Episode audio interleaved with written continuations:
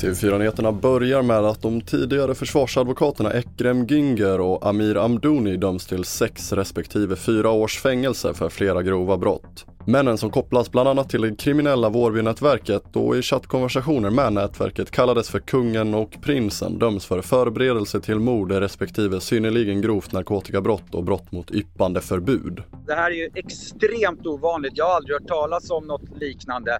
Det händer att advokater gör oetiska saker. De kan bli varnade av Advokatsamfundet, de kan bli utkastade ur Advokatsamfundet. Men det här att delta i brottslighet, att de blir dömda för så grov brottslighet. Det skulle jag nästan beteckna som, det är inte advokater, det är kriminella utklädda till advokater här. Så sa TV4s rättsexpert Jens Lapidus efter domen.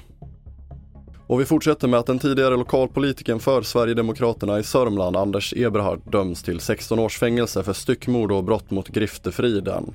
Under förhandlingen erkände Eberhardt att han orsakat den andra mannens död men att det skett av oaktsamhet och han erkände även brott mot griftefrid och vapenbrott. Mer om domen på tv4.se. Och vi avslutar med att trots att sommaren 2022 spåddes bli en riktig getingsommar så har det än så länge varit ovanligt få getingar, något som förbryllar experter. Vad getingdippen beror på vet man inte säkert men en teori är att en kall och torr vår kan ha påverkat getingarna negativt. Fler nyheter hittar du på tv4.se. Jag heter André Metenen Persson.